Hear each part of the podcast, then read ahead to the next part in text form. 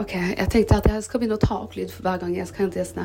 Men hver gang jeg begynner, så sier jeg alltid 'Å, jeg er så nervøs'. Men det gjelder faktisk ikke med Jonis, fordi han er så innmari lett å prate med. Uh, og det er jævlig flaut nå hvis, han ikke, liksom, hvis det ikke flyter godt i praten, da. Men ja. Jeg har egentlig bare gledet meg masse i hele dag til å møte Jonis og spille inn pod-episode. Og nå skal jeg hente han. Jonis!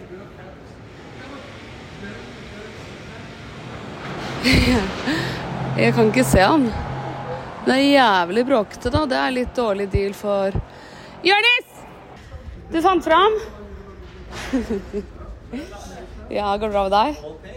Å, fy faen, jeg er så jævlig på håret, ass. Åh. Nei, det ser kul ut. Syns du det? Ja. Syns du jeg har jobba mye, gjør du ikke? Ja. Veldig sånn Texo-fantasy. ja. Hettegenser, caps og bustete hår, da Da har du Texo. Da. Faen, det er bustete, ass. Men hva gjør du nå, da? Hva sa du? Hva gjør du? Eh, nå? Ja. I dag har jeg spilt inn noen podcaster. Og Oi, serr? Og så har jeg fått opp, jeg får opp min egen podkast nå. Serr? På Juicy Producer? Producer? Juicy Producer. Ja, nice. Så jeg gjør det, altså.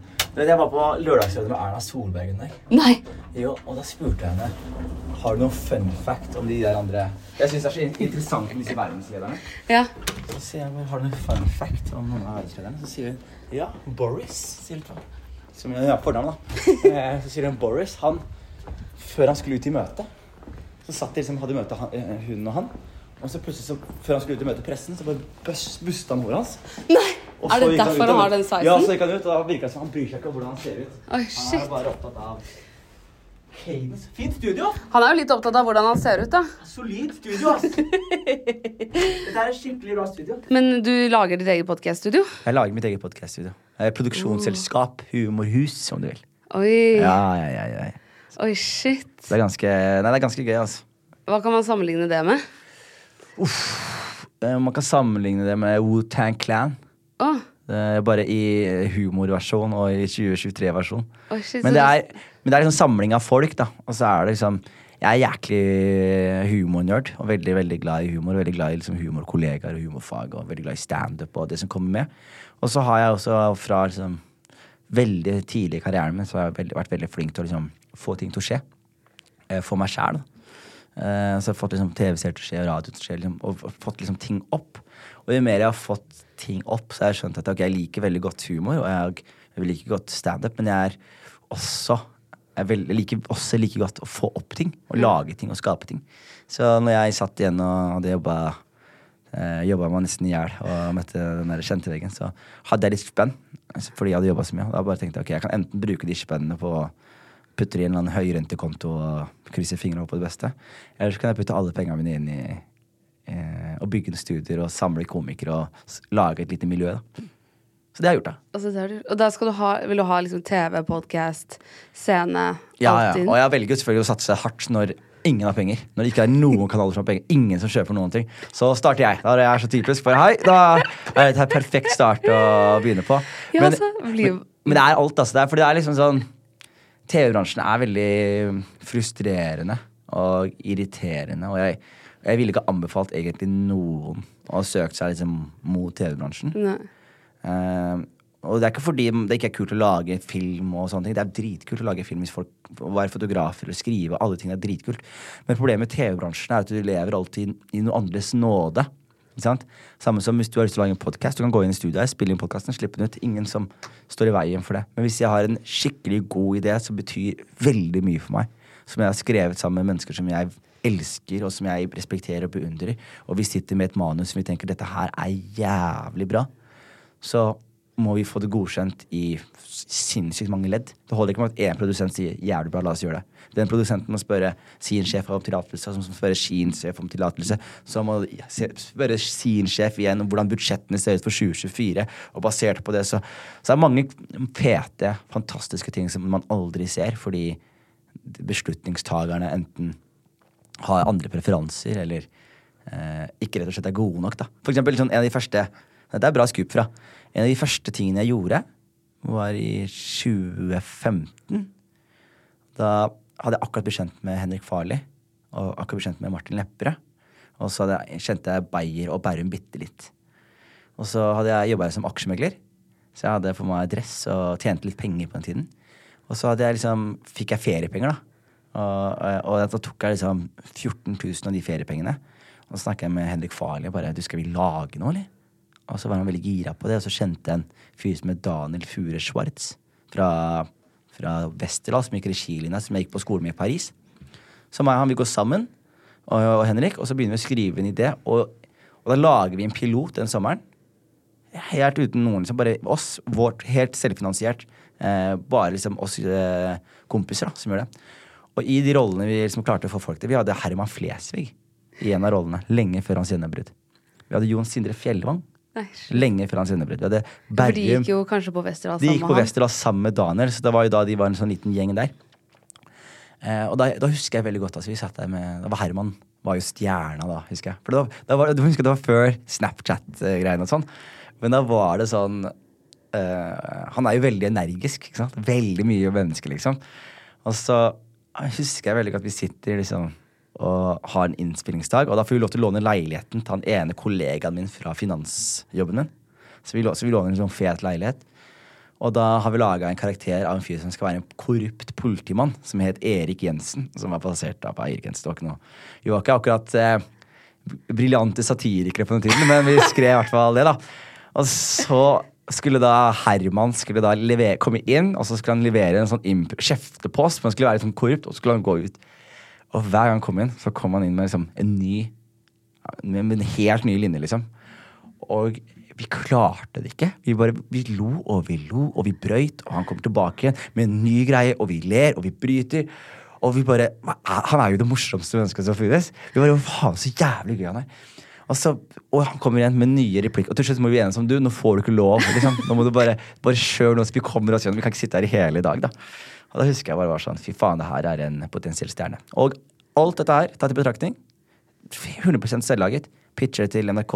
NRK bare jævlig interessant, la oss se noe manus. Vi skriver noe manus. Få med Jørgen Epe fra Hvite gutter til å være med og skrive med oss. Og det her er for lenge siden, altså. Sitter da med åtte manuser. Kjempebillig, en kjempebillig serie å lage. Eh, korte åtte episoder. Stjerner som Herman og Berrum og Beyer og litt forskjellige folk. Nei, får man. Og så skjønner man i ettertid sånn Ja, ja, det er mange gode ideer som ryker, men her var man jo dum, på en måte. Fordi her sitter du én hvis det er nye stemmer du ser etter. Du ser Herman der, du ser Martin Lepperød der, du ser meg, du ser Henrik Farli og du ser Jon Sindre Fjelland. Hvis det er etablerte folk, Berrum og Beyer er der. Vi hadde skrevet til masse kule folk. Hvis dere ser etter mangfold, det er vel det jeg som skriver det. Dere, altså Det er så mange ting som vi sjekker av i den, og det er jævlig billig å lage det. Og til tross for det så får dere ikke et ja. Og da kan man bli litt sånn der Ja, ja, vet du hva. Det, enten så veit ikke bransjen alltid hva de driver med, eller så er det ikke Eller så tar de noen ganger feil avgjørelser. Og uansett hva det er, da, om det er det ene eller det andre, så er det også en kjempeskip posisjon å være i hvis du er en kreatør, da. For hvis du er en kunstner, så kan du male. Hvis du er musiker, kan du ta og synge. Og hvis du er en serieskaper, som eneste måten du kan utøve din kunst på, er ved at du får tommel opp og, og ja, og at du blir budsjettert inn og, og så videre og så videre. Ja, fy faen, det er en jævla irriterende bransje å drive med. Jeg går jo film og TV på andre året. Du gjør det, ikke sant? ja. Ja, det er jeg har pitchet serier, og det er sånn Kommer så langt, og så du får så mange ja, og så bare Å, fy faen! Mm. Altså, nå skjer det, liksom. Og jeg fikk skrive på den serien, jeg fikk skrive på Helt perfekt, jeg fikk være med der, og så bare Nei. Og så sånn, ja, men jeg solgte i hvert fall en helt perfekt episode. Nei, det var siste sesongen. Vi droppa det. Så sånn, å ja. Sånn, du prøver hele tiden å komme inn, og så er det sånn Ja, men nå kan, kunne jeg i hvert fall si at jeg har skrevet den episoden. Nei, den ble ikke sendt likevel. Men de kjøpte den, da, i hvert fall. Det, og, jeg, og jeg har også vært veldig sånn negativ til bransjen, men så møtte jeg en fyr nå som het Ole Bernt. Var uh, lysmester i en uh, serie jeg spilte i nå. Uh, Purk het den, jeg kan si det, siden det har kommet ut sånn greier. Men da møter jeg han, og da prater vi og da prater vi om filmbransjen. Men jeg snakker bare om hvor jævlig mye jeg hater TV og filmbransjen. Og så sier han til meg bare sånn jeg hører hva du sier, men eh, jeg pleide å ta bilder før, sånn. Og så, så sa de meg du burde begynne med film og TV. Så, jeg, og så spurte jeg hvorfor, og så sa de vel, hvis eh, hvis enten går økonomien bra, og da kan man eh, Enten går TV-bransjen bra, da kan man lage film og TV. Og hvis man ikke kan lage film og TV, så kan man lage reklamer. Og kan man ikke lage- reklamer, så kan man lage propagandavideoer. Altså det liksom, enten er det bra tider, eller så er det dårlige tider, eller så er det krigstider. Og da har du uansett jobb, da hvis du jobber med lys eller kamera eller andre ting. da. Det er sant. Veldig. ja, så nå kan man lage propagandavideoer. Det kan man. det Ja. kan man. Å, fy fader. As a person with a very deep voice, I'm hired all the time for advertising campaigns. But a deep voice doesn't sell B2B, and advertising on the wrong platform doesn't sell B2B either. That's why, if you're a B2B marketer, you should use LinkedIn ads. LinkedIn has the targeting capabilities to help you reach the world's largest professional audience. That's right, over 70 million decision makers all in one place. All the big wigs then medium wigs, also small wigs who are on the path to becoming big wigs. Okay, that's enough about wigs. LinkedIn ads allows you to focus on getting your B2B message to the right people. So, does that mean you should use ads on LinkedIn instead of hiring me, the man with the deepest voice in the world? Yes. Yes, it does. Get started today and see why LinkedIn is the place to be to be. We'll even give you a $100 credit on your next campaign. Go to linkedin.com slash results to claim your credit. That's linkedin.com slash results. Terms and conditions apply. Normally, being a little extra might be a bit much, but not when it comes to healthcare. That's why United Healthcare's Health Protector Guard fixed indemnity insurance plans, underwritten by Golden Rule Insurance Company, supplement your primary plan so you manage out of pocket costs. Learn more at uh1.com. Ukas annonsør er AirUp. AirUp er en vannflaske som har gjort stor suksess i Sverige allerede. Og hvordan kan en vannflaske gjøre stor suksess? Jo, det er fordi du får med duftpodder som du putter på vannflasken, som gjør at mens du drikker vannet, så sender duftpoddene ut lukt som gjør at det smaker f.eks. vannmelon når du drikker av AirUp-flasken. Jeg testet min vannflaske i badstuen, og etter 25 minutter var jeg den eneste i badstuen som hadde kaldt vann. Så det er en check. Mine favorittsmaker er vannmelon, honningmelon, kokosnøtt og iste. Men det fins massevis av forskjellige smaker. Og hvis du har lyst til å bestille, så gå inn på air-up.com, og med rabattkoden 730 får du 10% Denne rabattkoden varer frem til 1. april, og den kan du ikke bruke med andre tilbud. Det som også er så fint med denne flasken, er at du kan drikke dette vannet etter at du har bestemt det, fordi du får bare i deg rent vann. Det er ingen tilsetningsstoffer som kommer i. Det eneste du gjør, er å lukte på disse duftpodene mens du drikker. Og dette her heter retronasal lukteffekt. Og det er ikke noe mer hokus pokus enn det, annet enn at du lukter på god lukt mens du drikker. Si gjerne fra hva du syns, og så håper jeg at jeg ser flere AirUp-søstre og brødre der ute. Ha det bra. Jeg eh, kan jo introdusere deg, da. Ja! 730 betyr jo crazy. Hva er 730 i deg? Dette er 730.no, og jeg heter Mathilde Ullum. Velkommen til 730.no. Den fryktløse komikeren som donerer alt han tjener og ikke har økonomistyring for shit, gikk på veggen i fjor og reiste til Afrika for å finne seg selv. Nå er han her i studio med meg. Hjertelig velkommen, Jonis Josef. Tusen hjertelig takk. Jeg har snakket med din venn Isak. Ja. Eh, og han har så mye morsomme spørsmål til deg. Åh, selvfølgelig har han det. Så det kan du glede deg til. Men det kommer ikke ennå. Altså, vi kan jo egentlig bare hoppe rett inn men nå snakka vi liksom om film- og TV-bransjen. Ja. Og du har jo vunnet gullrøs... Røten? Ja, Gullrøten. du har vunnet Gullruten og flere ganger, og gjort det så bra. Og publikumssuksess med både Kongen av Gullset og Kasko, men ikke sesong tre av Kongen av Gullset eller sesong Sesong to. to av Kasko. Nei, jeg er ikke noen sesongmann, altså. Hva skjer? Det som skjer, er liksom forskjellige eh, predicaments, eller predikamenter her. ene er jo Kongen av Gulset var jo bare dritkjipt.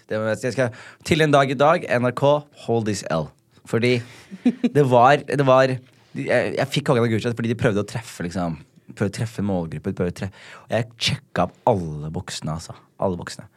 Det er vel den serien som klarte å fange unge gutter. Ja, og de, og Noe NRK det- absolutt ikke klarer. Nei, og jeg tror bare rett og slett de ikke så hva de hadde. Og så tror jeg de også Og så er det alltid sånn når du har så mye forflytninger i steder og sånne ting, så er det alltid sånn alltid nye mennesker som kommer i nye posisjoner, og de nye menneskene har lyst til å gjøre nye ting. Så de Sånn kan- mellomledere. Ja, så de kan etablere seg Ja, men dette er det jeg har gjort, eller dette er det jeg har gjort.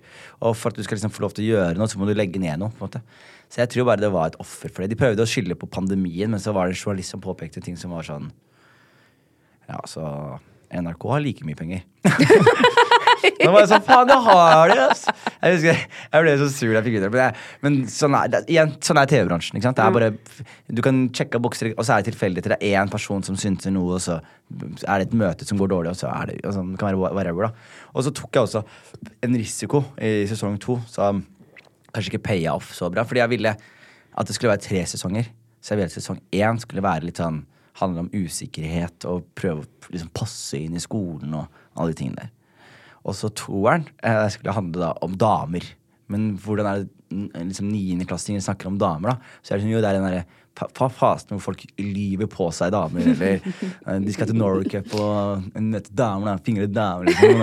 Da. Så det var sånn så det, Og så var jeg samtidig sånn Det er jo noe jævlig morsomt med å ta det på alvor, syns jeg, da.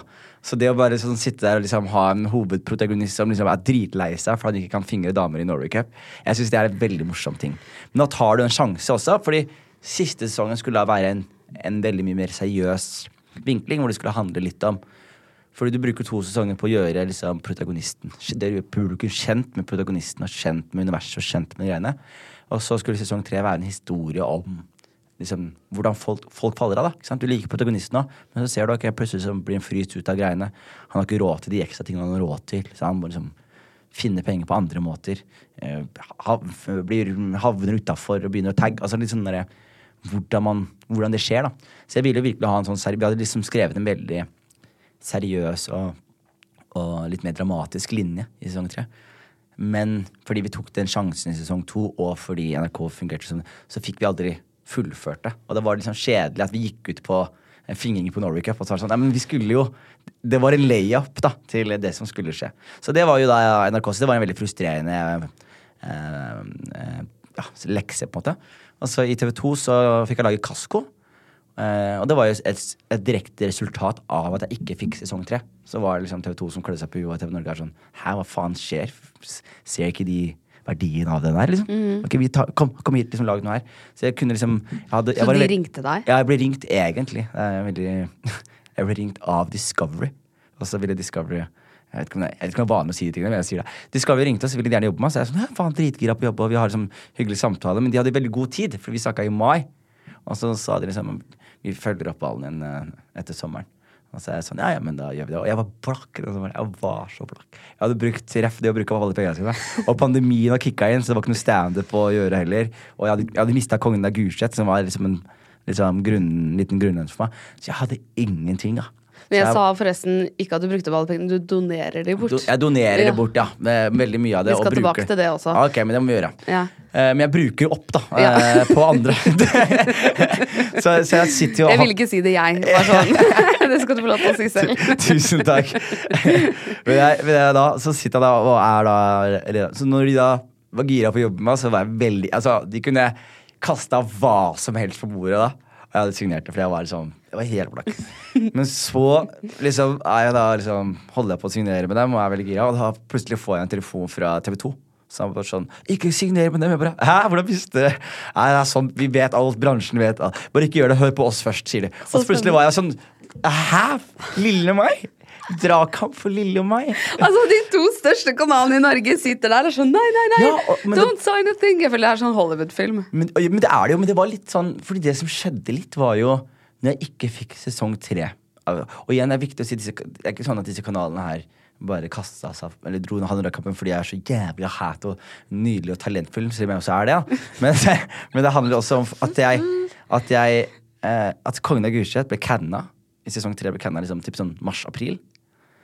Og det er liksom akkurat da det er, liksom, det er manko på liksom eh, god Kanalene får litt kritikk for å være blenda hvite. Så de er sånn, Men hvem er det som er der ute? Og så, er det sånn, og så var det da en journalist i Dagbladet.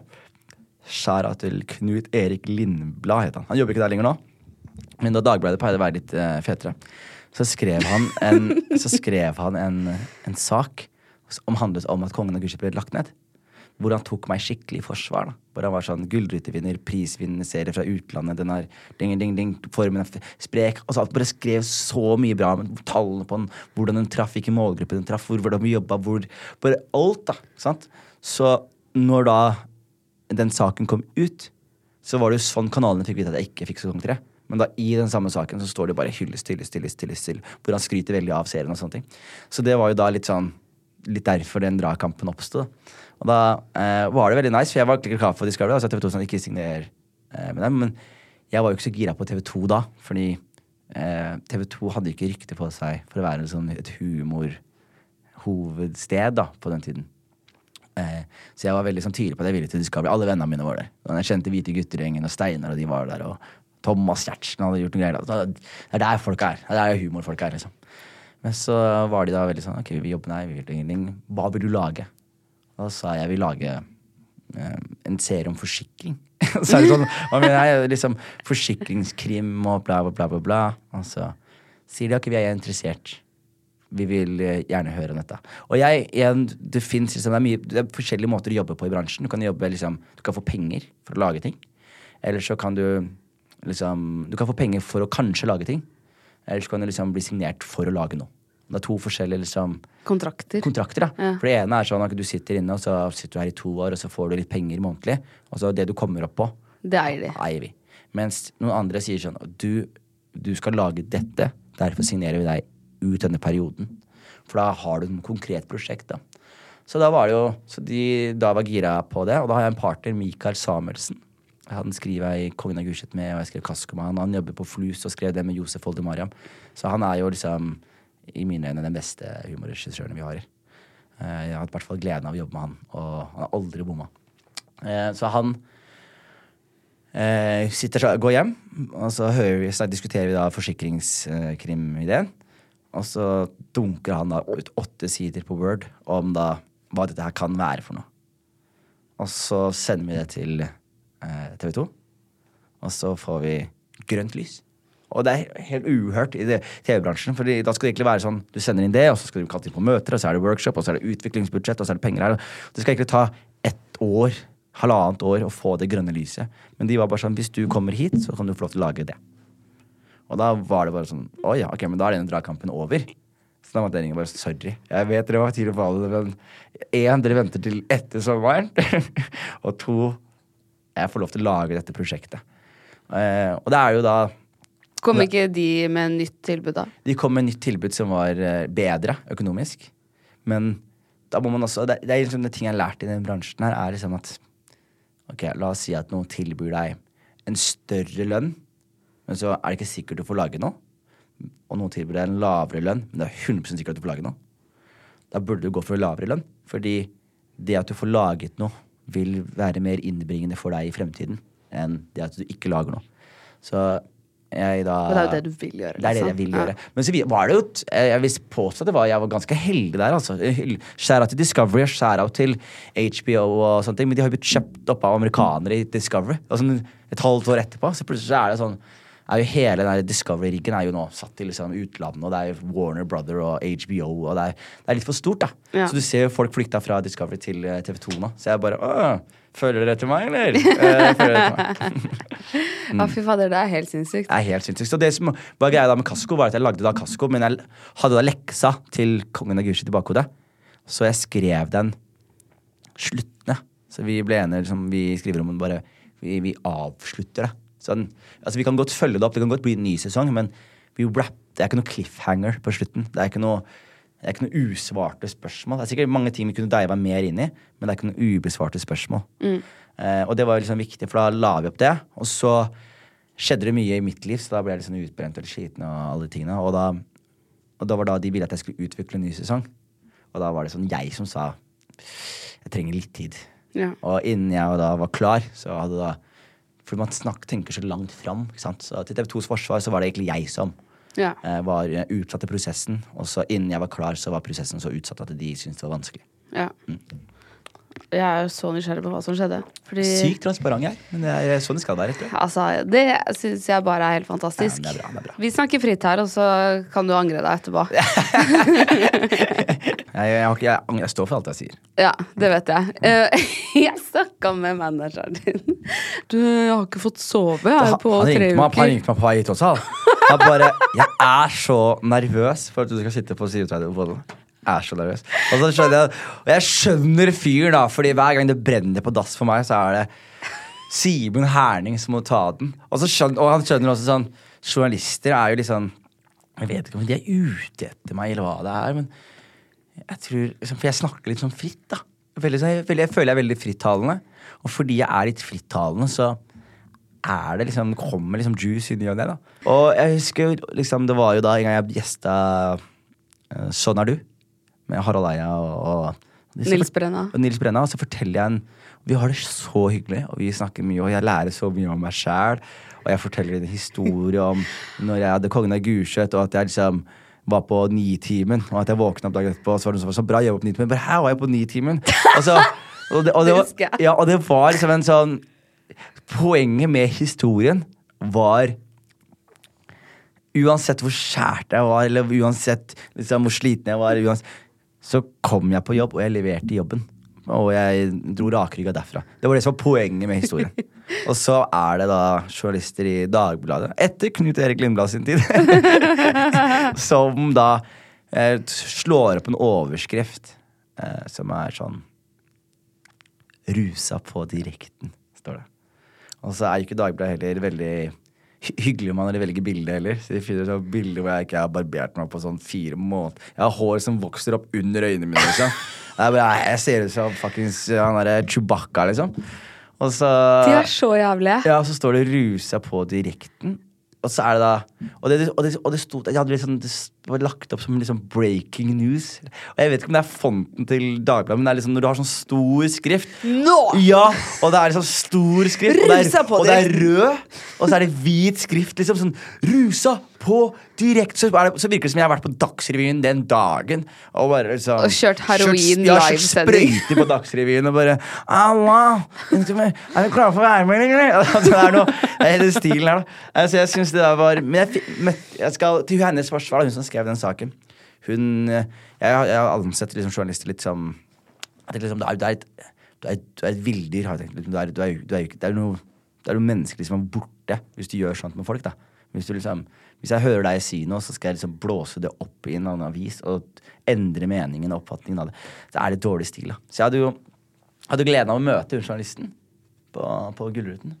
Og da var hun, hun, var veldig, veldig søt. Veldig bra dame. Og jeg eh, Jeg, eh, jeg satte veldig pris på det. Så hvis du hører på, jeg satte skikkelig skikkelig pris på det Men hun kom til meg. Vi var på sånn nachspiel, og da kommer hun bort til meg og bare sier Hei, kan jeg snakke med deg? Så er jeg sånn eh, Hvorfor det? Så er hun sånn Du, jeg er meg. Eh, fra, fra Jeg skrev en sak om deg. Jeg bare, Hvilken sak? Så sier hun Nei, jeg som skrev den rus... Jeg bare Var det deg? Og så sier hun ja, og så blir hun lei seg, og så forklarer hun liksom sånn Jeg hadde jobba en stund, jeg hadde slitt med å finne noen saker. Jeg visste ikke helt hva jeg skulle. Eh, og så plutselig så hørte jeg det, og så plutselig tenkte jeg her er en sak, og så ble jeg litt sånn fyret opp på jobben. Og så følte Ole det, så ble det en sak. Bare jeg, jeg, jeg beklager. Og jeg, og jeg, og jeg, jeg, var egentlig 100 klar til å tilgi. Og jeg, er, jeg har tilgitt henne. Eh, men jeg ville bare gi henne det siste støkk. så så idet hun liksom spør om tilgivelse, så bare lener jeg meg inn og så sier jeg Du knuste hjertet til mamma. Og så ser vi hun blir sånn Nei. Nei hun blir veldig lei seg. Og jeg, da, men jeg måtte bare gi den den. Jeg måtte bare gi den, da. uh, så er vi good, altså. Jeg, du skjønner det er mennesker, det også. Sånn, Noen ganger så ser du på journalister, så blir du sånn der Hvorfor skal du alltid skrive ting? Sånn som når det ble slutt med meg og eksen min, så var det sånn at uh, det er en, et privat, en privat ting, føler jeg. Og så skjønner jeg at noen kan strekke seg så langt og si at ja, jeg er offentlig, så det angår dem, på en måte. Men når folk begynner å ringe henne når hun er på jobb. Vanlig jobb, vanlig liv, vanlig lunsj, vanlige kollegaer. Og så blir hun ringt av journalister som skal ha liksom Da syns jeg bare sånn Én, la oss være, jeg er ikke så skjønn. og nummer to, det er litt, jeg syns det var ganske drøyt og slemt å gjøre, da. Så Men det er tilsvarsretten. Det er en norsk lov som er at alle journalister må Hvis de skal skrive at det har blitt slutt, så må de ha en kommentar fra henne. Fra, fra henne? Mm. Hvorfor, hvorfor må de ha tilsvarsrett fra henne? Det er uh, bare for at eh, alle skal ha mulighet til å svare for seg. I tilfelle det ikke var slutt, da. Så kan hun si nei, det er ikke slutt. Ja, nei, meg og hun vi samarbeida litt etterpå. Så vi Ja. bare ble sånn, Magen ringte sånn Her, vi er jo sammen, vi, hva snakker om? så vi kjørte sånn Et halvt år kjørte vi den. Så, så vi er, vi er heldigvis gode venner. Så var sånn Her, hva er det dere snakker om? Det er weird å skrive den saken. Vi går, vi er jo vi er sammen nå. Hva snakker dere om? Og så ble det sånn Hæ, men det er ikke det vi hørte på scenen i går? Ja, men da Folk må da få lov til å snakke, liksom. Ja. For eksempel, jeg har jo aldri vært opptatt av det kjendisaspektet av hva jeg gjør. Eh, og jeg sier ikke det, det, vet jeg høres ut som noen som tøffer seg, eller sånne ting, men jeg mener det virkelig sånn altså, Jeg mener det at det kjendistilværelsen er det minst appellerende med det jeg gjør. Hvis jeg kunne gjort hvis jeg kunne, altså Det er nesten sånn at kjendisgreiene er så belastende at man nesten ikke har lyst. noen ganger. Når du hører om sånne By og Rønning, og du hører at han By bare stoppa helt fullstendig og bare slutta alt og så, så er det en del av det som bare sånn Jeg skjønner. Jeg skjønner det 100% Og så er det, så det er forskjell. Sånn som Jeg gjør jo standup, da. Ikke sant? Og så eh, prøver man å bli kjent for det. Og så er det noen som gjør musikk. Og så er de kjente for det. Så de har da den spesifikke tingen som er det de gjør. på en måte. Eh, og, da, og det å være kjent for det er da en litt sånn annen greie. Men når du er, en, når du er kjent som influenser, på en måte, så er på en måte det, Du er kjent for å være kjent. Ergo når sånne ting skjer, så er det jo så nesten en så naturlig del av den tilværelsen. Da, sant? Så det er så mange influensere som du merker har De slår opp, eh, eh, de slår opp eh, foran media. De blir sammen med folk foran media. De proklamerer sin kjærlighet foran media. Så når du først har invitert media så mye inn i ditt hjem, så kan du liksom Da må du tåle at liksom Når ting går dårlig også, så kommer media også til å, til å være der. A lot can happen in three years, like a chatbot may be your new best friend. But what won't change? Needing health insurance. United Healthcare Tri Term Medical Plans, underwritten by Golden Rule Insurance Company, offer flexible, budget friendly coverage that lasts nearly three years in some states. Learn more at uh1.com. As a person with a very deep voice, I'm hired all the time for advertising campaigns. But a deep voice doesn't sell B2B, and advertising on the wrong platform doesn't sell B2B either. That's why, if you're a B2B marketer, you should use LinkedIn ads. LinkedIn has the targeting capabilities to help you reach the world's largest professional audience. That's right, over 70 million decision makers all in one place. All the big wigs, then medium wigs, also small wigs who are on the path to becoming big wigs. Okay, that's enough about wigs. LinkedIn ads allows you to focus on getting your B2B message to the right people. So, does that mean you should use ads on LinkedIn instead of hiring me, the man with the deepest voice in the world? Yes. Yes, it does. Get started today and see why LinkedIn is the place to be to be. We'll even give you a $100 credit on your next campaign. Go to linkedin.com slash results to claim your credit. That's linkedin.com slash results. Terms and conditions apply. Flexibility is great. That's why there's yoga. Flexibility for your insurance coverage is great too. That's why there's United Healthcare Insurance Plans. Underwritten by Golden Rule Insurance Company, United Healthcare Insurance Plans offer flexible, budget friendly coverage for medical, vision, dental, and more. One of these plans may be right for you if you're, say, between jobs, coming off your parents' plan, turning a side hustle into a full hustle, or even missed open enrollment. Want more flexibility? Find out more about United Healthcare Insurance Plans at uh1.com. Det er det, det, er det 37 skal ha. Jeg er glad i 37, men dere skal ha én stor kritikk, altså. Det er faen så Jeg prøver å tenke sånn Hvordan veit jeg så mye om Harry Styles? tenker jeg.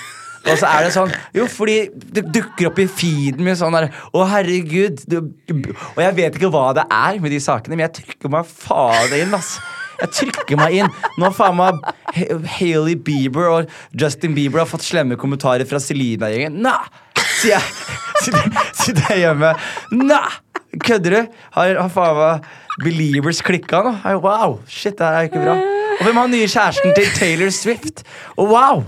Og du vet ikke hvor lite jeg egentlig bryr meg. Men så plutselig så er det sånn ah, og ha, Dette var han før! Og så så jeg på den saken. Og, og Harry Styles. Og dere legger ut sånne korte klipp av Harry Styles også. Bare sånn, Se Harry Styles! Kline med Emrata. Ja, eller se Harry Styles gå! Oi, Harry Styles har på seg klær! Fett! Og så er det bare Jeg vet ikke. Jeg, jeg, jeg, man klikker seg inn også på neste sak og neste sak. og neste sak Plutselig kan det men leser dere, det, så dere Men dere vet hvem som folk trykker på, og så gir dere mer av det? Er det det som er Det er ikke jeg som, Nei, men du, skriver. Okay, men er det, er det liksom formelen? At man liksom finner ut sånn Å ja, ok, folk Folk har gått late som de ikke liker Justin Bieber, men de trykker på Justin Bieber hele tiden. Man skriver ikke saker om folk ingen klikker seg på. Ja.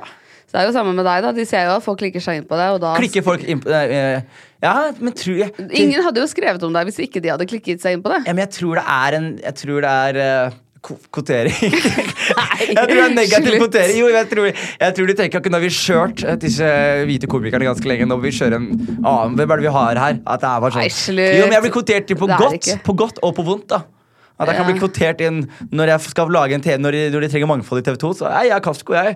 Men når eh, Se og Hør trenger en sak om uh, en, en, uh, en jævel, så uh, er det kvotering der også. Jonis, du kan si hva du vil, men du er jævlig flink. Du er gal i hodet.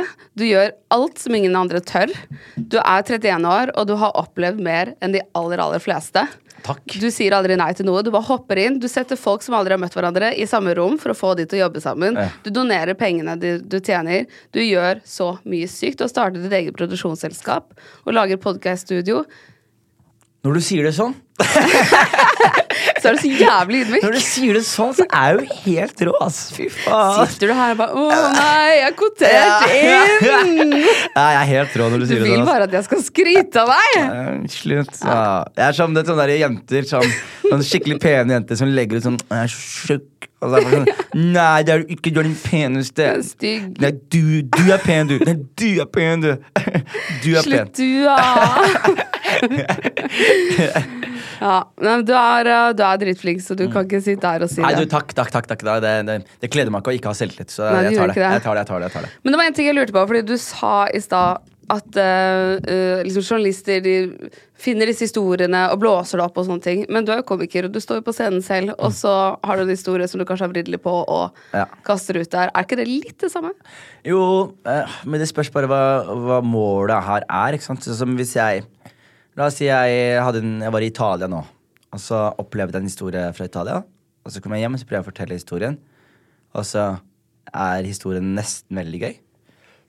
Andre gang jeg forteller historien, så tillater jeg meg selv å ta litt friheter. Fordi det handler ikke om historien.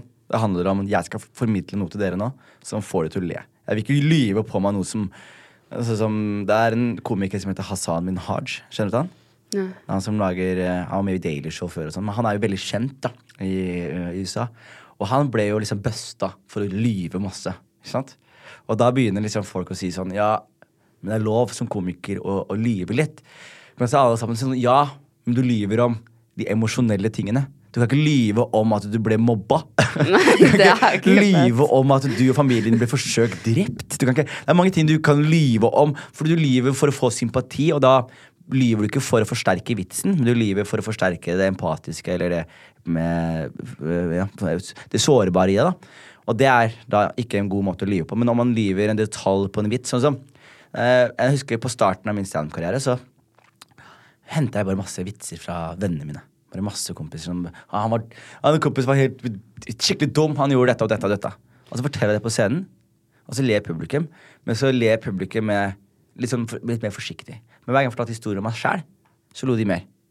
Og så skjønner du liksom mekanikken i det her, Fordi nå er det sånn Jeg lar dere le av meg. Istedenfor at vi sammen her skal le av en fyr som ikke er her. Så, er så derfor var det sånn Jeg hadde for eksempel en vits om kompisen min som strøyk i matte. Og hvordan han, liksom, han, hvordan han da Han skulle gå hjem, og så var jeg sånn Er du ikke nervøs? Og så sier han nei. Og så tok han Shake her, sa han. Så tok han og skrev liksom et hashtag foran tallet én. Så sa han Nå er jeg number one. og så var det vitsen, og så fortalte vitsen, og det funka som faen. Men problemet med vitsen her da er at liksom, nå gjør jeg narr av fetteren min som er så dum at han stryker i matte, og han er ikke der. Og hvis jeg Og jeg var ikke dårlig på skolen, jeg fikk skikkelig gode karakterer, men plutselig så er jeg sånn Jeg stryker i matte. Jeg har ikke noe problem med å lyve på meg dummere. Fordi jeg forteller da at jeg strøyker i og så merker jeg at publikum ler enda mer. Så veldig mange ganger jeg ljuger i greiene så handler det om at jeg prøver Jeg, jeg ljuger ikke sånn som man håper eller tror folk ljuger. Hvor det er sånn Jeg ljuger ikke på meg en sixpack, eller jeg ljuger meg tynnere. Jeg ljuger meg eh, styggere, jeg ljuger meg mer usikker, jeg ljuger meg eh, fattigere. Jeg ljuger meg til det morsommere, da, på en måte. For ingen vil jo ha en standup-komiker som er dritrik og suksessfull. Du merker det er jo en som slår, opp, slår seg skikkelig opp nå, og det er jo Matt Rife. Skjønner du han? Han er jo da en veldig pen mann. Eh, I hvert fall sånn Han blir oppfatta veldig pen, veldig superbra trent. Sitter liksom med T-skjorta. Er TikTok mest Ja, populære jo, fyr på, på TikTok. Og han er jo så, fas det er så fascinerende med ham, fordi han er jo sånn sånn komiker som da han har starta, han var litt stygg da han var yngre. Han var med på Wild and Out. Og da er det sånn improshow med, med han der i Nick Cannon og sånn. Så han var jo der og gjo- gjorde litt bra der. Så etter hvert begynte han å gjøre litt standup. Men så fordi han ble kjekk og pen og slo seg opp på TikTok, så begynte liksom alle showene hans ble liksom flødda av damer. Så det er bare damer som vil se han som bedriver og hekler ting. Så han bare står liksom Han disser det. ja, og så disser da masse sånne damer med tiara, og, og showene hans er liksom 90% damer. Og det du merker da, at komikerne som sitter rundt, de, de, de, de liker ikke det. Og, det og, det og det handler ikke om nødvendigvis suksessen hans, men det er bare sånn Du kan ikke være så pen, og du kan ikke være så liksom godt trent og så kjekk, og så, og så, du, og så fet stil, og så så mange damer som digger deg, og så skal du i tillegg være komiker. Og det går ikke. Ja, men så er det noen som får det til. Men du har jo alltid én komiker som er damenes komiker. da Sånn. Som nå er det Matt Rife. Før var det Dane Cook, for eksempel. Ja. Dane Cook var jo fylte arenaer med hylende damer også. Men det er et eller annet veldig spesielt med det, fordi du merker at Matt Rife ikke får den respekten eh, blant miljøet som han egentlig kanskje burde hatt, da, for han er ganske dyktig. Men det handler litt om det føles kanskje for noen at det er litt sånn ufortjent fordi du får det for å være pen. Men jeg mener jo at hvis du får det til som komiker mens du er pen, så er det enda vanskeligere. Det er veld, veldig, vanskeligere for, veldig mye vanskeligere for Herman Flesvig å gjøre standup enn det er for for eksempel meg å gjøre standup. Det er derfor jeg ikke kan det er derfor gjøre du det. kan gjøre for du er jo en bomb. Takk du kan, bare, bare glemme det. Men det, er, men det er mange som ikke kan gjøre det. Og jeg prøver til og med å fortelle når jeg ser noen som er dritsjekke, som går Mm. på scenen, så sier jeg alltid sånn Grunnen til at det her er vanskelig for deg nå, det er fordi humor handler om å sparke litt oppover. Og når du er så kjekk og så hvit og så pen og så rik som du er, Så går det ikke. så går det ikke an å sparke oppover. Så du må lage noe. Du må finne noe å lage som, du, som gjør at du kan sparke oppover. Da. Det er samme som hvis du er en komiker som er blind, og du går på scenen, og du bare er blind'. Neste vitsen folk sier, du sier, publikum ler uansett. Fordi du, alt du gjør, er å sparke oppover. Ja. Eh, og, det er, og det er som er sånn fascinerende. Man må nesten ja, stygge støgge seg litt til. Da, for å, for, hva var spørsmålet? Ja, øh, jeg satt og var sånn, Hvordan skal jeg komme meg tilbake igjen her? Men vi snakka egentlig om øh, journalister. øh, og Det var det det var. Var. at de øh, kan blåse opp historier. Mm. Og så begynte hun å snakke om løgn. Men uh, hun, journalisten løy jo egentlig ikke, fordi hun Du var jo rusa på Nitimen. Nei, men jeg var ikke. Jeg var ikke det. ja, var ikke? Nei, det som var greia, var at jeg, var på fylla dagen før. Ja. Det var det som var greia. Så du var rusa dagen før? Ja, så jeg, var på, jeg hadde bursdag 22. Det var 22. februar. Så jeg hadde bursdag, det var en surprise party for meg. Så jeg var på, jeg var på bursdagen, og så hadde vi også premierefest på Kongen av Gulset. Så jeg fikk av produsentene fikk jeg sånn vinmeny.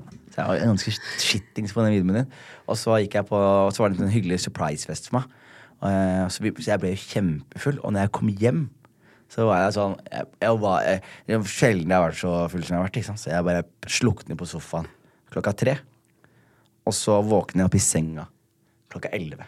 Men jeg la meg jo klokka tre fordi jeg visste jeg skulle på, på Nitimen. Så det var ikke sånn at jeg hadde glemt det fullstendig, men det var bare jeg våkna opp i to sekunder, så jeg sånn Vent litt. Hvor? Å ja, jeg var på Nitimen. Ja. Og så, for å forsterke historien, så istedenfor at jeg har det øyeblikket selv, så sa jeg at jeg fikk en melding fra sjefen min. Og han sendte meg en melding og skrev 'veldig bra levert på Nitimen'. Men jeg visste allerede at jeg hadde vært på Nitimen. Så det var ikke sånn at det, Og hvis du hører på Nitimen også, så er det sånn Jeg er jo Jeg kom kvarter for seint fordi jeg er liksom Jeg er fyllesyk og sliten, liksom. Men ikke berusa på noen som helst måte. Og ikke nok til å skrive det med hvite bokstaver i stor eh, skrift fire år etter det har skjedd med Jeg skjønner så godt at ikke du fortalte den versjonen, for den var litt kjedelig. Nei, det er kjedelig, men det, men det er jo Den det andre versjonen var morsommere. Ja, og så er det morsommere jo Ja, og så er det jo liksom sånn det, det, For det er jo liksom sånn Hvordan skal jeg forklare det? Det er jo litt den der forbannelse med humor også. Fordi jeg føler at jeg er en veldig ærlig jeg er komiker. Veldig utleverende. Jeg leverer meg selv eh, veldig.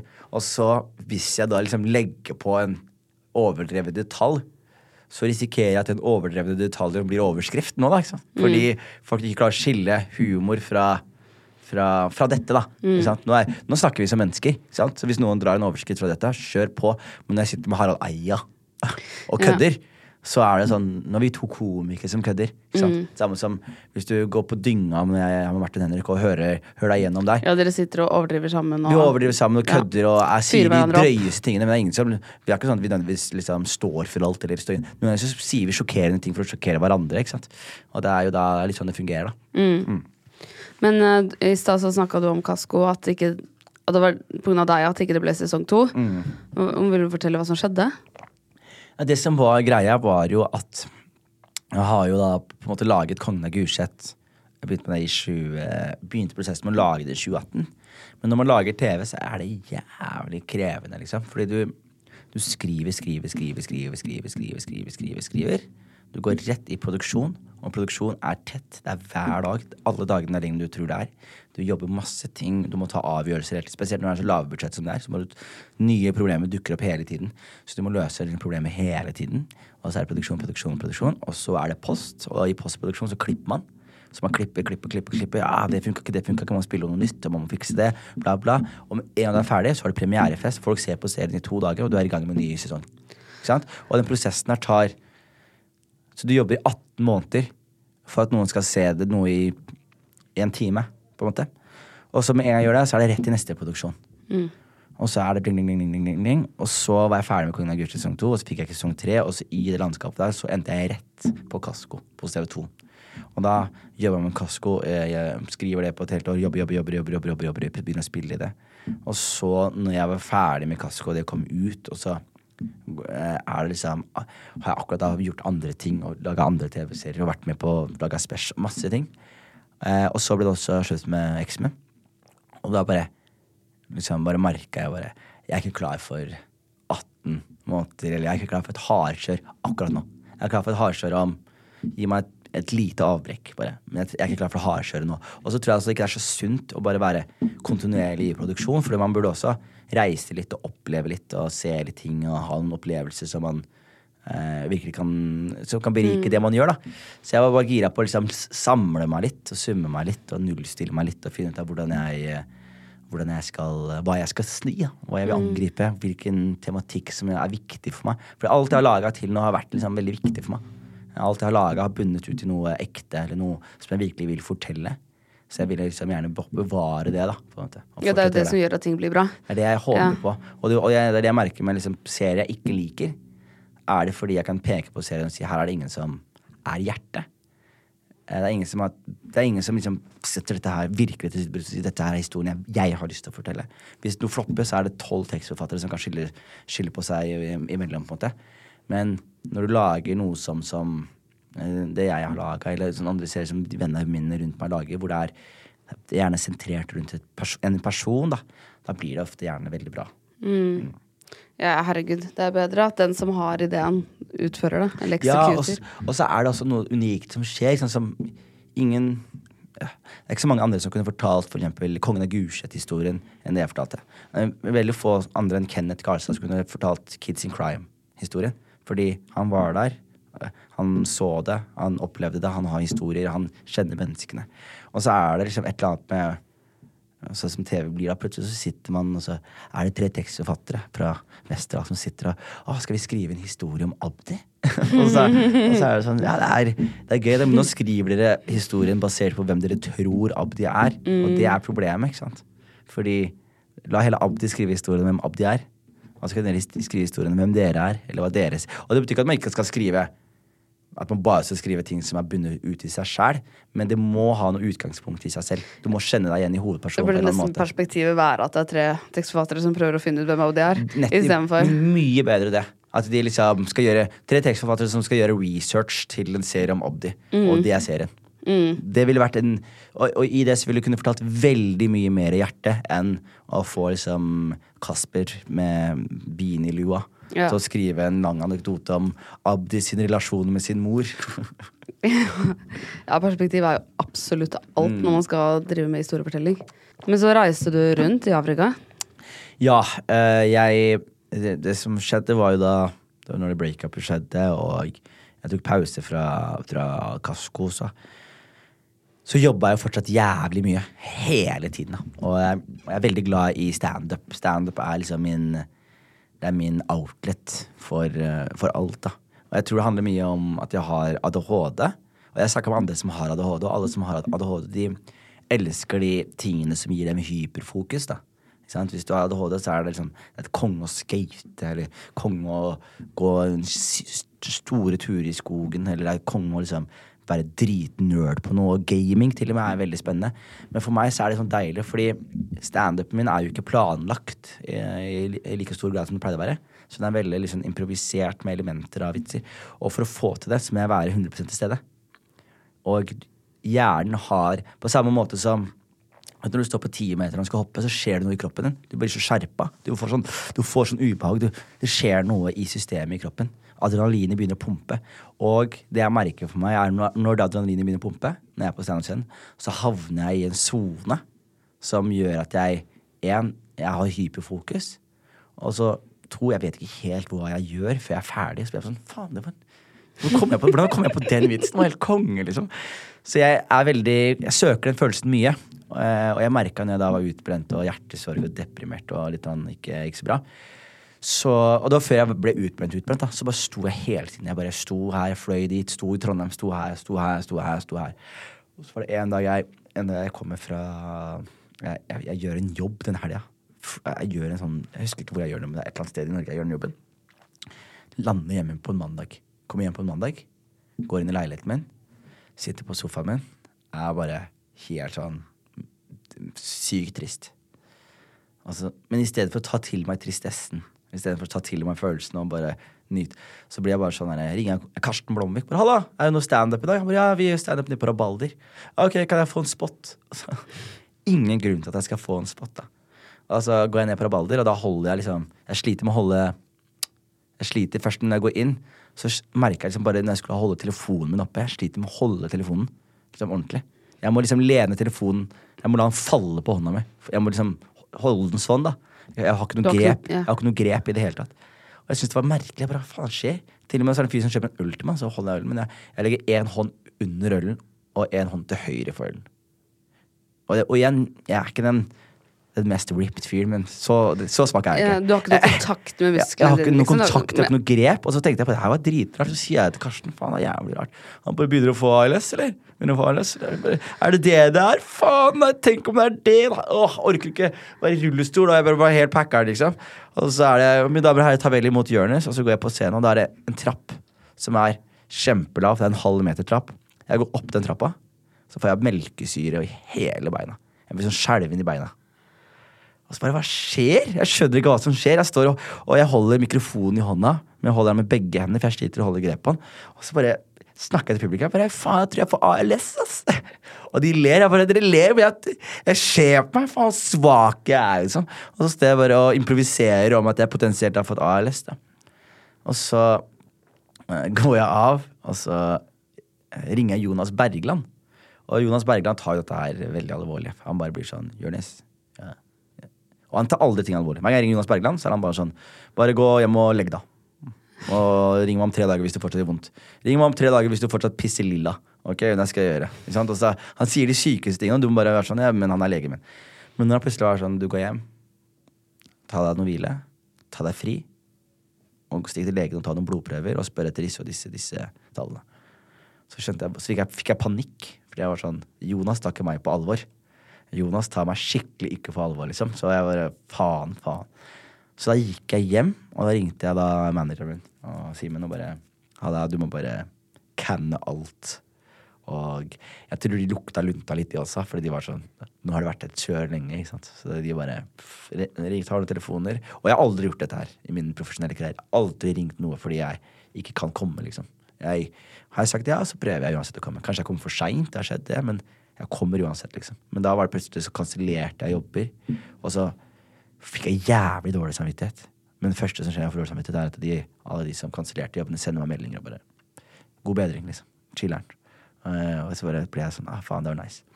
Og så var det også det som var kanskje finest, da var jo at jeg har brukt veldig mye tid og energi på å være litt sånn, som du sier, da. Mye av grunnen til at man er utbrent, er fordi man har sagt så jævlig mye ja til andre. Har vært med på så jævlig mange ting og bestiller opp, og så har man blitt sånn, har det gått litt på bekostning av sin egen helse. Og det å sitte på andre siden av det, og liksom At komikere, sånn som eh, Martha og Malene Leivestad og Ingrid Jæver, de tre jentene var helt fuckings nydelige for meg når det ble slutta. De dreiv og bytta på å ringe meg. de, de hadde sånn liten sånn 'Har du snakka med han nå?' Har du med han nå? Har du? Og de bytta på å følge meg opp. Eh, Komikervennene mine jeg tok meg med liksom, på lunsj og på middager og, og så videre. Et øyeblikk som jeg tenker mye på, var altså at jeg hjemme, og så kommer Så går jeg, jeg, jeg går hjemover, og så går jeg med Snorre Monsson, da. Og han er så jævlig nydelig gutt. Og han har jo som, brukt mye tid på han og jobba litt mye med han i den perioden. Og så skal vi gå hver vår vei. Og så bare stopper han, og så bare gir meg en klem. Og så holder han klemmen lenge, og så sier han 'bli frisk, mann'. Og, så, og så går han, og jeg bare sitter på Åh, jeg blir faen meg helt rørt til tårer, nesten. Og det var sånn, Folk kom hjem til meg med liksom, mat. Her og mat. Så jeg merka bare liksom hele flokken min som bare stille opp, stilte opp for meg, da. Og tok eh, veldig bra vare på meg. Så det var helt konge. Og så merka jeg bare at det her kommer til å vare en stund. Og Beyer Olsen var også veldig tydelig på at liksom du kan enten være litt utbrent resten av livet ditt, eller så kan du liksom gjøre noe med det nå. liksom. For hvis ikke så det går så jævlig på bekostning av fremtiden. da. Hvis du jobber nå, og du, du kommer til å kjenne på dette her neste år, kanskje kjenne på det året etter, kanskje, så bare ta deg i tiden, liksom. Så da eh, tenkte jeg fuck, jeg bare tar et halvt år og bare reiser litt rundt. Så da var det veldig sånn gøy. Da begynte hjernen min å leke. Hvor skal jeg starte? Ta faen, jeg starter i Katmandu. Ta faen hva som skjer i Katmandu. Stikker til Katmandu. Og da leide jeg ut leiligheten min i ni måneder. Så stakk jeg til Katmandu, og så begynte eventyret der ute. Herregud, så gøy. Mm. Fant du noe Eller hva opplevde Altså, seks måneder ute i Det var tre måneder på, på reise, og så var Ja. jeg eh, hjemme i Skien i en måned, og så var jeg liksom fram og tilbake i Oslo i to måneder. Men i, i, når jeg var på, på reisen, så var det liksom Jeg skal, altså jeg, jeg merka at det, det, var, det var jo liksom mer ferie enn det var Og jeg har veldig lyst til å flytte en lengre periode til et sånt sted. Men jeg, jeg starta i Katmandu, og så var jeg litt sånn Hva skjer her? Og så hadde jeg litt sånn gøy. Var med kompiser. Vi bare loka litt rundt og prøvde å finne, nes, eh, finne neshorn. Det er et neshorn på YouTube som heter som, Hvis du søker eh, Nepal, så, og, og, så ser du sånn neshorn som går gjennom byen og sånn. Så jeg er sånn, faen, hvor er den der? Så jeg reiste og liksom hadde basert liksom parten, mesteparten av eh, reisen på å finne det neshornet, som jeg fant, da. Veldig, veldig Fant noen har noen masse kule bilder av det neshornet. Og så, etter det så dro jeg til uh, Thailand. Uh, til Nord-Thailand. For jeg var sånn jeg vil bare, Nå vil jeg bare slappe av. Aleine. Jeg vil, eh, jeg vil spise digg mat. De hadde legalisert cannabis i Thailand. Så jeg var bare ok, massasje og chillen og bare ta det helt klinkende med ro her ute, liksom. Og så gjorde jeg det i to uker, og så fikk jeg så jævlig dårlig samvittighet. For jeg bare sånn Nå har jeg ikke gjort en dritt. Jeg har ikke gjort det. Jeg gjorde ikke en dritt i Thailand. Jeg bare, det var til og med én dag. Jeg har sånn, jeg har vært her i to uker. Nå må jeg gjøre noe. Så jeg ringte en kompis jeg kjente som var der. Så vi dro i et studio, og så rappa vi en låt. Så sendte jeg den inn til P3 som sånn reisebrev. Så jeg sa ok, da har jeg gjort det. Og så må jeg se kickboksing. Og så gikk jeg og så noe kickboksing, og så hadde jeg to treningsøkter. Og så var det Snakkes Thailand. Ja. tenkte jeg, Da må jeg dra inn i Løvenes hule. Da dro jeg til Kenya. Eh, fordi jeg ville til Afrika. Men jeg ville liksom ikke rett til Somalia. For Somalia er veldig litt sånn eh, litt belastet, da. Men eh, jeg ville veldig gjerne til Somalia, men jeg ville bare liksom eh, klimatisere litt først, da. Eh, så jeg dro til, eh, dro til Kenya. Det var et veldig sånn fint øyeblikk, fordi jeg kommer liksom til, til flyplassen i Kenya. Lander, og det, og det er en sånn følelse du får når du er en svart mann i Norge. Så er det veldig merkelig, fordi uansett hvor du går, så merker du at du er en svart mann. Altså det er ikke sånn Folk sier ikke nødvendigvis 'svart mann', eller sånne ting, men, de bare, men du bare merker det lille ekstra blikket du får i butikken. Lille ekstra blikket. Det lille liksom ah, ja, så, ja. Sånn, Det er bare en bitte liten sånn anerkjennelse som man blir liksom immun mot, men som man merker sånn low-key hele tiden. Det er er ikke noe definere livet mitt, men jeg merker det veldig lite. Og det plutselig være et sted hvor, folk, hvor du ikke merker det, så skjer det noe rart med deg. For det blir bare sånn, hva skjer her? Så er det sånn, jo jo, det er jo ikke noe spesiell, liksom. Her er det bare Jeg er hjemme, liksom. Og da går jeg til den disken, og da er det en dame som er sånn eh, Is this your first time in Nei, have you been to Africa before? sier hun på. Så sier jeg this is my first time as an adult. sier jeg. Og da flytter hun seg fra skranken, og så går hun bort og så gir hun meg en klem. Så sier hun 'welcome home'. sier hun. Og så var jeg bare sånn Ja, faen, kanskje welcome home, liksom. Og så var det masse rare greier som skjedde. Så da var jeg der, eh, i en sånn getto i Kenya, og så på Sverige sånn Nei, jeg må gjøre noe mer. Jeg må gjøre noe mer. Så da dro jeg til eh, Da dro jeg til eh, jeg dro til eh, eh, Parklands, et område som heter det. Og så søkte jeg på telefonen min 'standup'. jeg klarte ikke å la være. å reise, jeg bare, Standup Kenya. Og så fant jeg en standup-klubb, og så sendte jeg en melding og sa 'Hey, I'm a huge star from Norway'. I have, uh, og så send- jeg på å sende fra Instagram, for da var det sånn verified i tillegg. Så de, og igjen så glemmer man en ting. For I Norge så er vi veldig sånn ydmyke. Ikke sant? Så Vi selger oss ikke så jævlig hardt ut pga. janteloven. Men i Afrika så er det fuck janteloven. Liksom. Så jeg, når jeg solgte meg hardt ut, så solgte de meg enda hardere ut. da For da var det plutselig sånn I'm huge star. Så er de plutselig sånn We have international superstar uh, currently Og jeg var sånn Faen, jeg har ikke gjort standup på engelsk på over et år. Det er ikke noe internasjonal standard på det jeg driver med nå. Men det var helt nydelig. Sto standup i Kenya.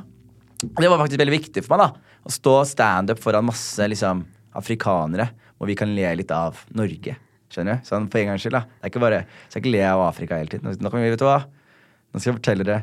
Do you guys think it's tough here? Yes, it's tough. Well, in Norway we had something called the butter crisis. uh, you guys cannot imagine this. altså, så, og så ler de fordi de faktisk bare Er det her sant? Ja, ja, det er sant, liksom. Uh, so It was all over the news. all over the news. People were hoarding butter. So, uh, Can we call it a crisis? Nei, så det, var, så det var helt nydelig. Så jeg var da i, i Kenya en, en, en nydelig stund. Og så dro jeg til Somalia. Og her her er det ganske bra juice, fordi jeg dro til Somalia. Og da når jeg landa, til, landa i Somalia, så ble jeg henta liksom sånn eh, Ble henta av eh, Hva skal jeg kalle det? Sånn eh, militærfolk, eh, basically. da Og de militærfolka er familien min. Familien min som hentet dem. Så de skulle eskortere meg. da Jeg skulle, jeg skulle få privat eskorte. da Og det handler også om at på den tiden så var det veldig mye sånn checkpoints, militære checkpoints. Hvis du har en militærbil som er, eh, har papirene i orden, så kan du bare kjøre forbi. Og det var jo, det sparer deg veldig mye tid, da. Så jeg kommer liksom dit. Og bare Hjemme i Somalia, liksom. Og det første som skjer, det er en fyr som kommer til meg da, bare er sånn Halla, jeg er, jeg er vennen av faren din. Jeg er onkelen din. Ja, hyggelig, jeg. Hyggelig på deg, Jonis. Jeg bare, «Hei, Hyggelig at du kom til, kom, til Somalia. Jeg vet ikke om faren din har sagt det, men dattera mi er på sykehus. Vi trenger penger, liksom. Jeg bare, shit, hvor mye da? Klarer du liksom et par hundre dollar? Og idet jeg snakker med han, så kommer kusina mi. Hva faen skjer her? Hei, onkel, dattera hans. Er ikke onkelen din! Kom deg bort! så, så jeg holdt på å bli skamma så jævlig av førstemann jeg møtte der nede. Og så eh, er det også sånn her at eh, somalisken min er jo ikke perfekt, da. Ikke sant? Somalisken min er på en måte ikke brokken der nede. Jeg snakker veldig bra somalisk for en fyr født i Norge. Men der nede, så det, det de hører, da, er liksom fraser som 'kjempebra'. Sober, sober Jeg liker det kjempebra. Og, og det putta meg inn i en sånn jævla rare situasjon, fordi eh, jeg var i Somalia litt, og så møter jeg liksom disse militærfolkene, da. Og det er de jeg hang med. like gamle som. Det gir deg mye perspektiver på livet også, når du snakker med en ene fyren. Han bare 'Hei, hvorfor er du i Somalia?' Jeg ble utbrent. Og så er han sånn 'Hva er det for noe?' «Eh, Du skal du høre her, vet du. Eh, Ja, jeg jobba litt mye. Og hva jobber du med? Jeg forteller vitser, ja. Og, og lage litt TV og sånn. Ok, hva skjedde? Nei, jeg jobba litt mye, da. Og så ble jeg sånn sliten, da. Og så fikk jeg en sånn ubehag inni meg og måtte komme meg litt bort. Og jeg var sånn Jeg skjønner hva du mener, altså. Jeg kriga med Al Shabaab i forrige uke. og jeg følte at jeg måtte komme meg bort. Det er samme greia. ikke sant? Så sånn, det er samme greia. Så det er sånn der Så du får liksom nyanser på, på ting. da, og du, For eksempel kallenavnet til folk jeg hang med, var også sånn enighet ene Koronto. Koronto betyr strøm, elektrisitet. Men han ble kalt det fordi han hadde- epilepsi. Så de så hadde fått anfall, og så bare sånn ja, her, har vi, her har vi elektrisitet. Det er en annen fyr som het Bastomir. Og Bastomir betyr spagettisil. Og spagettisil har jo mange hull. Og det hadde han også, for han hadde beskutt av Al Shabaab et par ganger. Så de kalte han bare eh, Bastomir. Så det er liksom helt annen tøffhet her. Helt annen tøffskap.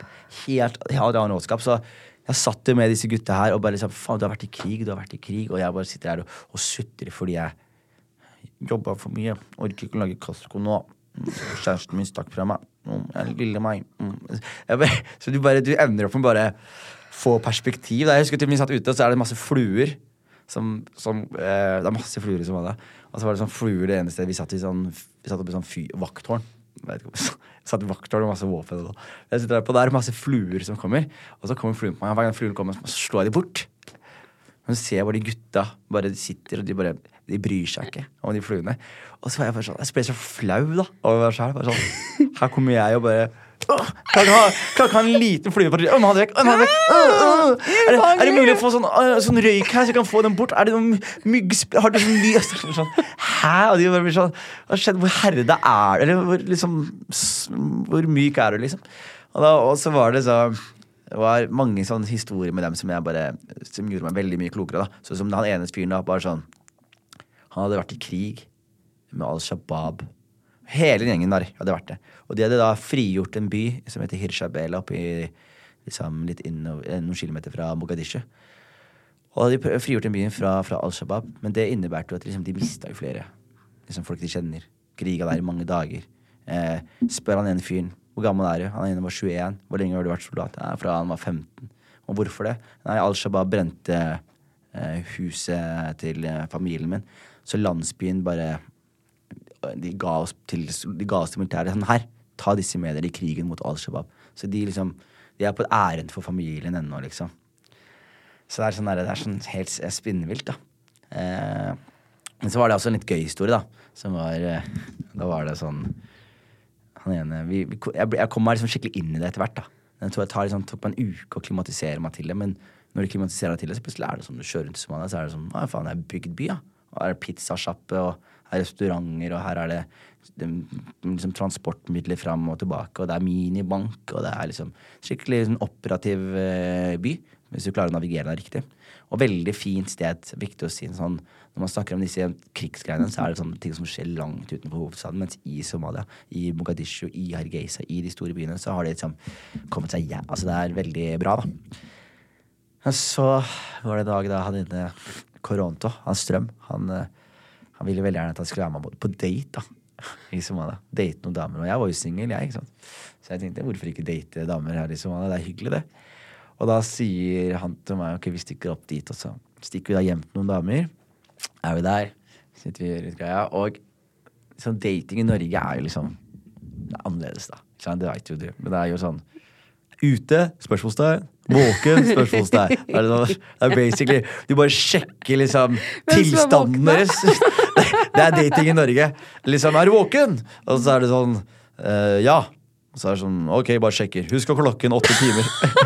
Det, det er det som svaret burde være. Husk klokken åtte timer. Det er det man burde si. Uh, mens i Somalia så er liksom dating er veldig mye mer intrikat. Da. Det er poesi. Poesi. Så da sitter man liksom og ser folk inn i øynene og sier ting som «Ah, øynene dine er så dype, de er som havet, og jeg har lyst til å svømme i dem. Og gi meg en redningsvest, fordi du gjør meg redd, baby. Sant? Det er masse sånne søte ting, så jentene blir sånn åh, Og så svarer de med dikt.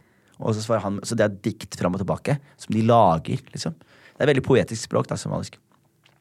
Så det er veldig mye mer intrikat. Altså, når en dame kommet til meg begynte å sjekke meg opp, så hun stryker meg på skinnet, så sier hun 'jeg er på Wankaheli', som betyr liksom veldig sånn søt måte å si 'jeg liker deg' på. 'Jeg har fått sansen for deg', betyr det på en måte. Og jeg blir helt sånn stressa. ikke sant? Så der og hva faen skal jeg si? Og så er det akkurat du må si noe. Jeg bare sånn «Øh, Kjempebra! Kjempebra! Super, super, super! Klarte ikke det i det hele tatt, altså. Så det var Ja, det var, ja, veldig, veldig fin opplevelse. Og etter det Siste del av ferien. Du skal få høre her. Det er- Den, det er kanskje den delen jeg burde ha snakka mest om. Jeg snakka null om denne. Men jeg, jeg dro til Madagaskar. Og så var det ei som jeg, hadde, som jeg snakket litt med i Norge. Så jeg bare var sånn Du har ikke lyst til å møte meg i Madagaskar, da? Og så jo visst faen er det. Så hun kom ned og møtte meg i Madagaskar. Og da dro vi jo så, så liksom Og vi jo Vi var i Madagaskar da helt tiden off-season. Så det var liksom ingen turister. Men det var liksom, sånn, ok, det var veldig sånn merkelig. Vi kjørte da til østkysten av Madagaskar, som er hands down noe av det vakreste, fineste jeg noensinne har sett.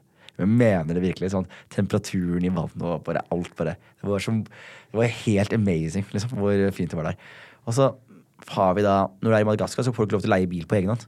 Du leier bil, men du får med en sjåfør. Så en sjåfør er med deg bare kjøre overalt. er med deg i alle dagene. Vi hadde en, en egen som het Meme. Og han var helt konge og kjørte og kunne ikke engelsk. Og han kunne fransk, og vi kunne ikke så godt fransk, men vi prøvde så godt vi kunne kommunisere med hverandre. da. Og han bare 'jeg vil kjøre deg til et sted'. Så han kjører oss liksom til et sted, og så kommer vi frem, og han bare 'voyage, voyage, voyage'. Vi bare, er, vi er det nydelig her? Er jo nydelig her? Han bare, «Åh, likte ikke at vi syntes det var nydelig der, da. Men så så vi over der.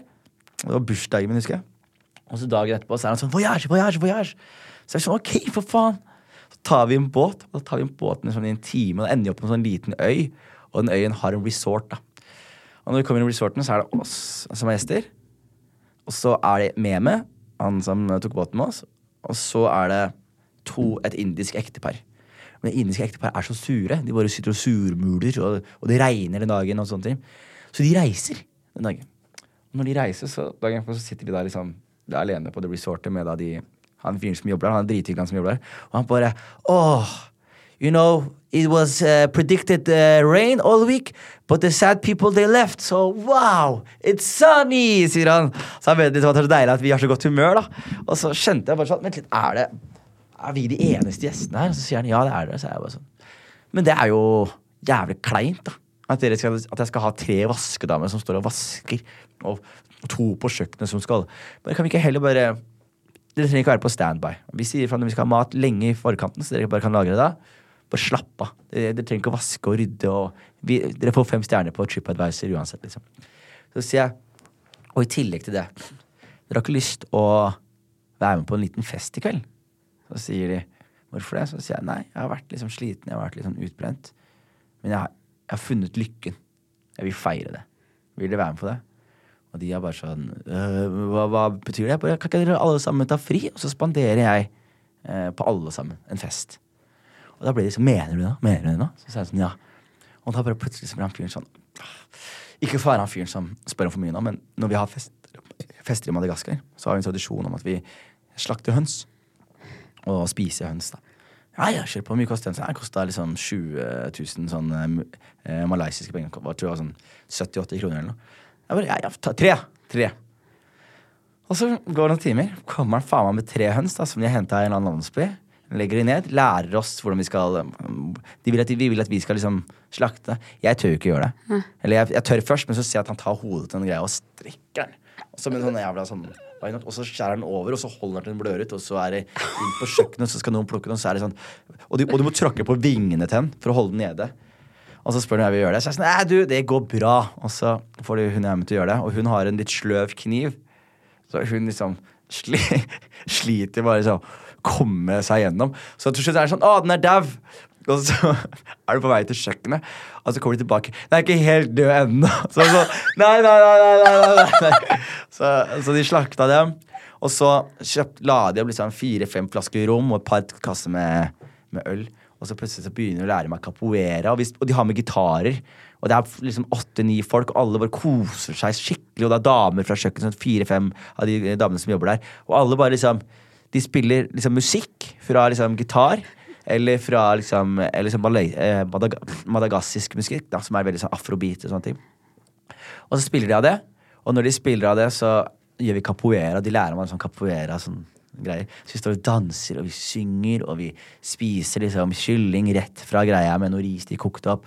Og vi har det så fint og så gøy, og på slutten av dagen så sitter jeg liksom på brygga med han som liksom er hotellsjefen, og bare meg han sitter aleine og prater liksom en halvtime om livet, han forteller om sønnen sin og livet sitt, og snakker om liksom bare greier. Og så går vi tilbake, og dagen etterpå så holder de en tale, de som jobber der, hvor de bare liksom aldri har de liksom fått lov til å oppleve hotellet sitt og sitt, sin resort på den måten. For de blir jo ku, kua bak en sånn gjester. Men plutselig var det gjester i greiene. Og de koste seg, og de bare We will never, ever, ever forget this. Thank you so much. Her er regninga. Men det var verdt det hver eneste videokrone, altså. Å, herregud, hva kom regningen på? Jeg tror det var sånn 7000, kanskje. Å ja, her- Jeg, du? det var ikke mer enn det. Å ja. Ja, for det var, men det var Men det er jo først og fremst det er jo i Madagaskar. Og så var det, Ja. Men det var jeg tror 7000 kroner. Men da var det liksom tre høns og drikke til eh, tolv mann. Så det var en nydelig opplevelse. Kom hjem og tok med den nye energien eh, hjem. ass. Å, herregud. Det er helt magisk. Du skaper en fest overalt hvor du er. Ja, jeg prøver, men det var Så noen ganger så blir det fest. Da blir det fest. Eh, og noe jeg prøver. Jeg prøver så godt jeg kan. Men eh, noen ganger så blir det ikke fest, og da prøver jeg å ta det igjen. Å, herregud. Men hun du reiser med, da? Eh, hun hadde det kjempefint. Ja. Men altså, det er det som gjør deg så innmari unik. At du plutselig har du den festen der. Du kjører Altså, det er ikke hvem Det jeg prøver å si, er at alle har lyst til å stå standup Ja. på scene. Eller mange har lyst til det. Men det er veldig få som tør. Det er veldig få som prøver. Det er mange standup-komikere som er i Norge, som har lyst til å stå i USA. Ja. Du reiser. Du prøver. Du står standup i utlandet. Du gjør liksom Du griper alle muligheter. Er, er du ikke redd for noen ting? Uh, jo, men jeg tror jeg er mer redd for å ikke gripe mulighetene. For jeg tror liksom sånn Livet er jævlig kort. Og, så, og det er så jævlig for mange så klisjeer som man har lært seg opp igjennom. Det, men jeg mista en kompis i selvmord for mange år siden. Og jeg husker liksom Det er, var en, en, en veldig traumatisk og trist for meg, men det var også veldig sånn inspirerende i den forstand jeg ble veldig sur på han. For jeg var sånn Hvorfor gjør du det så enkelt, liksom? Hvorfor tar du ikke Hvis du først er suicidal, da, bevis det, da. Lev litt suicidalt, da. Reis til Costa Rica med en koffert liksom, og se hva som skjer. Ran Norges Bank og se om du kommer deg unna med det. Det er å være suicidal. På en måte. Sånn, eller det for meg er sånn Ok, vet du hva, Hvis du først skal dø, gjør noe, da. Vær, lev som du skal dø, da. Jeg husker at jeg tenkte det veldig lenge til han, og så tenkte jeg sånn det er feil å ilegge han det, for vi er forskjellige mennesker, og vi har forskjellige følelser, og vi har forskjellige typer form for depresjon. Men for meg så var det veldig sånn Livet er for kort til å ikke gjøre akkurat det jeg vil gjøre til enhver tid. Livet er for kort til å være stuck. Hvorfor skal jeg jobbe, skal jeg jobbe 30 år i et jobb jeg ikke liker? Da kan jeg heller henge meg sjæl. Og det mener jeg. Og da husker jeg at jeg tenkte det, og da var jeg bare sånn, ah, det er litt sånn For livet er så kort. Så da jeg jobba i finans, for eksempel, og jeg fikk muligheten til å prøve meg på standup, så er det sånn, ja, jeg tjener jo kjempemye mer penger som aksjemegler, men jeg koser meg mer med standup. Og da vil jeg heller leve et liv hvor jeg gjør det, da, enn hvor jeg gjør det andre. Så jeg har liksom Jeg tenker vel alltid at livet liksom er litt kort, på en måte. Og at det kan godt hende jeg ryker. Så jeg, jeg legger for eksempel Det var noen som booka meg til et arrangement nå i april 2024. Kan du komme på det andre noe? Så jeg bare April? Hvordan, hvordan, har folk, hvordan har folk så tro på sin egen eksistens at de tror de lever april 2024? Jeg bare sånn, Planlegger folk så langt, liksom? Så for meg så er det, det Livet er kort, da, og det er jævlig sånn nerd og kjedelig å si, men det er liksom Det er ingen som angrer på at de gjør ting. Folk angrer bare på at de ikke gjør ting. Og jeg merker det selv i livet mitt også. Sånn, de tingene jeg angrer på, er de gangene jeg har liksom nesten vært sånn fuck it, og så har jeg bare eh, holdt meg igjen. Men det hva jeg angrer mest på i livet mitt? Det er i 2004 eller 2003 så skulle jeg hoppe fra tieren. Og så klatra jeg ned til sjueren. For jeg turte ikke. Den, den veien ned den trappa Jeg angrer på det så mye til den dag i dag. Bare fordi at jeg liksom putta meg selv i en posisjon hvor det var, det var bare en fuck it, gjør det. Men så gikk jeg i retrett, på en måte. Jeg turte ikke fordi jeg var redd. Og jeg var redd fordi Og jeg lot frykten styre kroppen min. Det for meg er en sånn følelse som jeg ikke liker. Så jeg prøver aldri å liksom symbolsk sett gå tilbake ned trappa. Hvis jeg først liksom committer, så committer jeg. Så får jeg heller lande på magen, og så gjør det vondt. Og så går jeg opp igjen, og så prøver igjen. på en måte. Så Men er det noe du angrer på at du har gjort? Eller noe du er flau over? Eller sånn, å fy faen. jo, altså, når man gjør det man gjør, eh, humor og sånne ting, så er det sånn Det er mange ting man angrer på. Og jeg, men jeg tror liksom det jeg angrer mest på, er vel liksom når jeg har vært liksom overarbeida og jobba veldig, veldig, veldig veldig mye, så har jeg på en måte ignorert litt folk rundt meg. Jeg har ignorert litt liksom familien. Jeg har ignorert liksom samboer. samboere. Jeg har ignorert liksom kompiser. Jeg har ignorert liksom Nesten sånn hvis du skulle møte meg, så var det møte meg på Nye Scene, for jeg skal stå standup i dag. Det var sånn det var, liksom. Eller, og så var det sånn Jeg, jeg, jeg får så tunnelsyn i det jeg gjør, at jeg glemmer noen ganger å ta hensyn, og så sliter det på relasjoner. Så jeg angrer litt på det, at jeg har eh, vært liksom sånn overkonsumert av det, og glemt litt noen ganger verdien av de trygge og fine og sunne relasjonene jeg har. da. Og så får man en wake-up call når man blir utbrent, at man plutselig blir sånn Ja, men dette er menneskene. Det, sånn som når mora mi leste sånn der eh, Rusa på direktesak Jeg tror hun ble kjempelei seg og veldig frustrert, men jeg tror også det var noe moderlig inni henne som var sånn Noe som var enda tristere enn det, var at hun skjønte at jeg ikke hadde det bra. Og at, ikke, at hun ikke kunne være der og trøste meg. på en måte Så det husker jeg også var sånn Jeg husker jeg kom hjem en dag, og så er jeg da utbrent, sliten. Og så blir mamma veldig sånn Mamma og pappa blir veldig sånn eh, sure på meg. Ikke sure, men de begynner liksom å lufte. Liksom, 'Går det bra med deg?' 'Ja, men er du sikker på at det går bra?' Liksom. Er du sikker på at det går bra? Og så følte jeg at det var litt sånn nedlatende. Jeg var sånn, Hva faen mener dere? Nei, er det liksom lus? Og så ble jeg sånn Tror dere jeg er en Leser dere aviser nå? Og, tror jeg er, og så ble jeg sånn sur på dem. Men så plutselig så bare skjønte jeg sånn Nei, men nå prøver de å være foreldre. Og jeg lar dem ikke være det. Jeg lar dem ikke Jeg lar ikke mamma bare lage mat til meg og trøste meg. Jeg lar ikke pappa liksom komme med rådene sine. Og det handler ikke, når de skal gi meg råd, og sånt, så handler det ikke alltid om meg. Det handler også om at jeg må la folk hjelpe meg. Fordi det er det folk vil gjøre for meg. Og da må jeg være den personen. Så jeg lærte det, da. At de relasjonene i livet mitt er jævlig viktige. Og hvis jeg, går, hvis jeg blir sliten, så går det først på bekostning av dem. Og så går det på bekostning av meg. Var det derfor det ble slutt med kjæresten din? Ja, det også, blant annet. Så det var det jeg ble slutt med kjæresten min, det ble slutt med, med liksom med vennskapelige relasjoner, ble slutt med sånne småting på grunn av liksom at man ikke har vært i eh, riktig sted, da, på en måte. Shit, det er veldig godt å se deg hvor du er nå, Jonis. Takk. Altså, jeg er våken, er jeg ikke? Jeg ser det på deg. Du er Du er, virker som du er på et veldig godt sted. Tusen takk. Jeg koser meg veldig nå, altså. Jeg gjør det. Jeg ser det, jeg hører det på ting du sier, og det høres ut som du har brukt mye av tiden på å reflektere over ting òg. Det har jeg, altså. Jeg skal skrive noen memoarer snart, så det er bare å glede seg. Å, shit. Er du klar for en spørsmålsrunde? Ja, kan jeg pisse? Ja. For at denne episoden ikke skal bli for lang, så deler vi den opp i to deler. Neste del kommer om et par dager. Hvis du følger podkasten nå, så får du episoden med en gang den publiseres. Vi høres!